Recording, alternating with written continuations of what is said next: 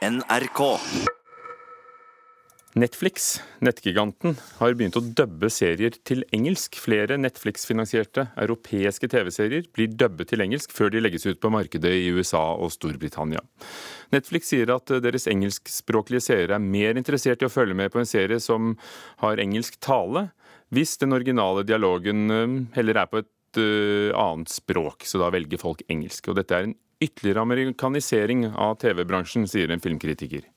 Luke, du hast doch nicht begriffen, wie wichtig du bist.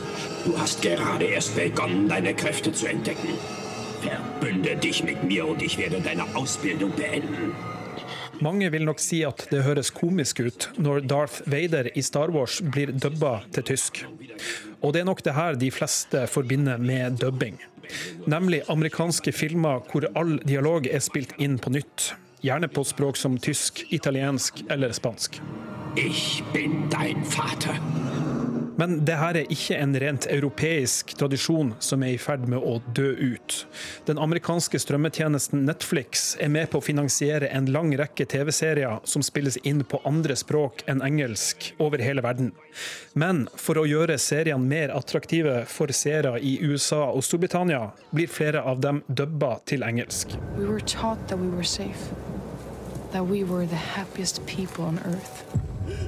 Et eksempel er den danske skrekkserien The Rain. Den ble spilt inn på dansk, men ble senere dubba til engelsk av de samme skuespillerne. Netflix-seere i USA og Storbritannia får da servert serien i dubba utgave som standard, men de kan også velge originaldialogen med undertekster. Stay dry. Stay alive. Det har ikke lyktes NRK å få et intervju med Netflix, men de har fortalt at et engelskspråklig testpublikum er mer tilbøyelig til å se en serie dersom den er dubba til engelsk. Filmkritiker Terje Eidsvåg i Adresseavisen har en teori om hvorfor. Jo, eh, du kan f.eks. lettere gjøre flere ting på en gang. Eh, jeg skjønner at det er lettere å gjøre flere ting. Jeg tror mange når en ser på TV-serier, særlig yngre mennesker, gjør flere ting. Man kan eh, sende en Snapchat eller oppdatere Instagram eller hva man gjør. Så er nok det lettere å gjøre hvis du ikke trenger å lese tekstene og følge med på skjermen hele tida. Men det finnes også andre måter å gjøre det på dersom man vil gjøre seg lekker vekker for et engelskspråklig publikum. All dialogen i NRK-serien Vikingane ble spilt inn to ganger, både på norsk og på engelsk. Thinking,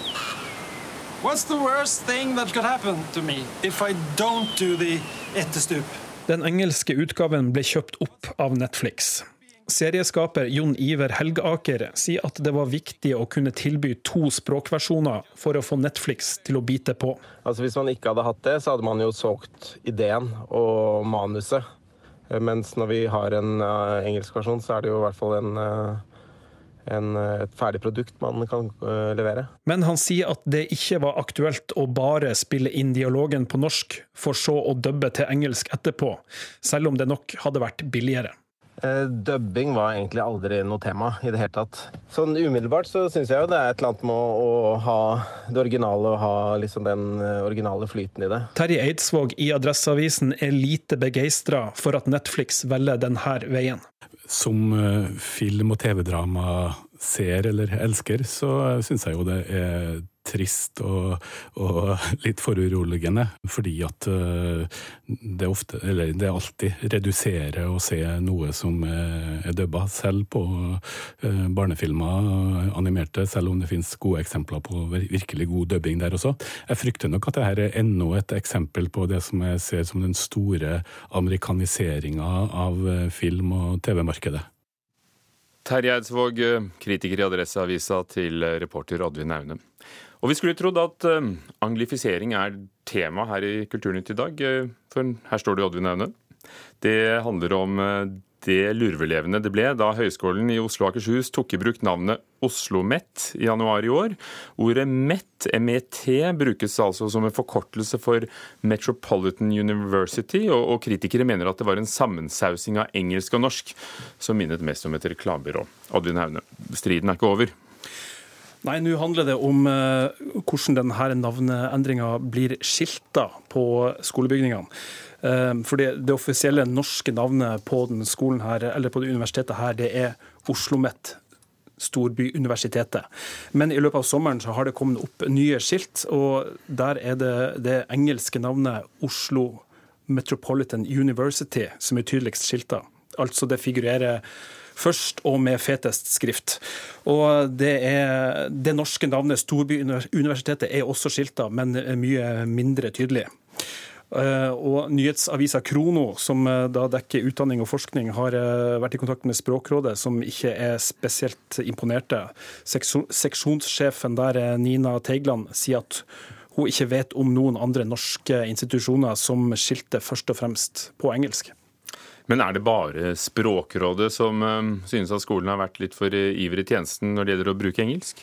Nei, det er også et par professorer ved Oslo OsloMet som nylig gikk ut i Krono for å si at det er uhørt å skilte et norsk universitet med et engelsk navn. Og de spør seg om Oslo OsloMet eh, De mener det framstår som et amerikansk universitet i Oslo, og ber eh, også Kunnskapsdepartementet om å komme på banen. De mener jo at ledelsen ikke skjønner hva som rører seg på grasrota på universitetet i denne saken. Og det er jo da ca. 6300 skilt som skal byttes ut til en pris av 5 eh, millioner kroner. 6300 skilt. Ledelsen på skolen er jo da eh, en lingvist som er rektor, nemlig Kurt Rice. Hva sier han? Han sier til Dagens Næringsliv at det ligger ingen favorisering av engelsk, det engelske språket bak valg av skilt, men at de skal være internasjonalt orienterte, og forskning og utdannelse må anses for å være globale aktiviteter. Og da er vel engelsk et globalt språk, da? Er det ingen planer om å endre det til latin eller fransk eller kanskje norsk? Nei, Kurt Rice uh, syns skiltene er kjempeflotte. og ja, For øvrig så har han jo nettopp søkt på en ny fireårsperiode som rektor ved Oslo OsloMet. Og han uh, lover at det ikke blir noen flere navneskilter dersom han skal få fortsette jobben. Takk skal du ha, kulturreporter Oddvin Aune. I eh, Vadsø begynner Varangerfestivalen i dag. Byen sitrer av forventningsfulle artister. Ikke bare dem med store og kjente navn, men også lokale amatører som arbeider sammen med de profesjonelle. Et av disse prosjektene er med Johan Airijoki og Malmfeltens rockklubb fra Gjelliværet i Nord-Sverige, og vi ble med på øvingen i går. Nå er de like før neste låt. Dette er første gjennomkjøring med, med fullt band, så det blir spennende. Så det du får høre nå, er first time. Lykke til. Takk, takk.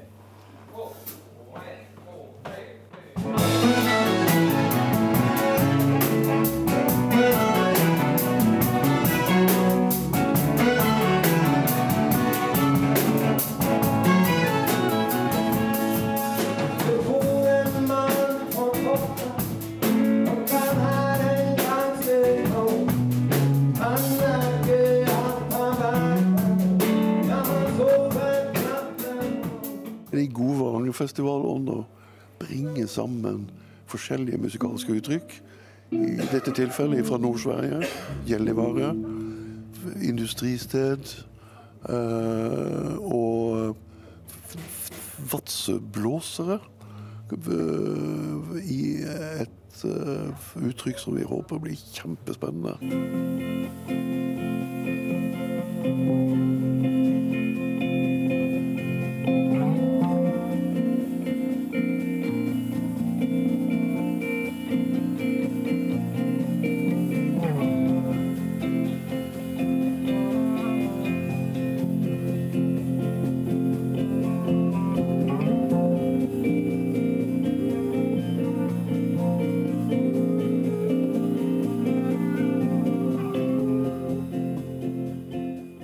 Funny, det der. Det kan være mine Jeg har jo altså Stemmer ikke litt med harmonikken? Nei. Nei.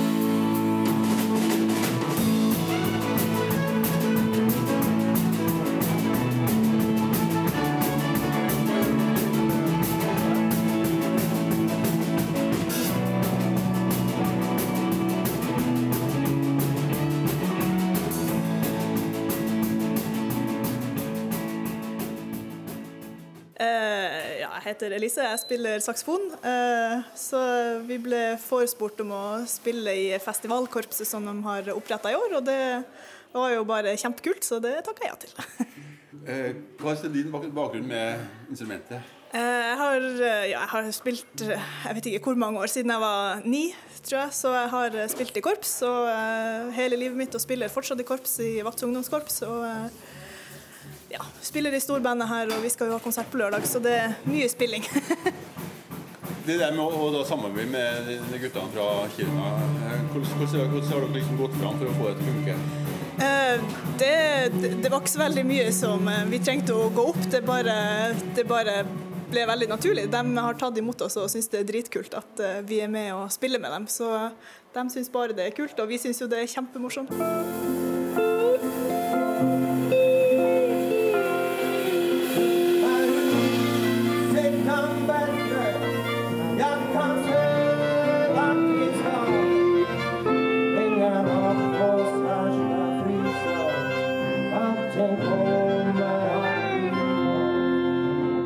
Melodier kommer fram och det finns som ett tryck och det är bara energin av att ha så mycket människor på scen också. Det... Du, eh, dere hadde en øving i går. Det var en første øving. Og så skal dere ha konsert i morgen. Det er en brått læringskurve. Ja, jamen. Jo, den er brant. Nei, men det er jo det. Folk som er, spiller musikk, de er, bruker jo være Altså at man, man, man kan jo øve til en viss gräns. Men eh, sen handlar det ju mycket om... Alltså man kan ju ha någon sorts koll på formerna. Men sen är det mycket spontan energi og saker som hender når man spiller live. Så. Jeg kan jo tenke meg at de som da er amatører, som i her området får spille med deg, det liksom kjennes stort. Eh, men sant, eh, du, opptatt, du må ha et faglig nivå på det, det, du gjør, og du skal møtes på et faglig nivå med, med amatører. Hvordan går det? Uh, nei, det går bra. De er jo skikkelige musikere. Erfarne, skikkelige musikere. Så det går, jeg syns det går kjempebra. Um, och liksom vem som är professionell och vem som är amatör och vem som... Det spelar inte så stor roll. Vi spelar tillsammans. Nu. Hva håper du at publikum skal sitte igjen med etter at de har vært på din konsert her?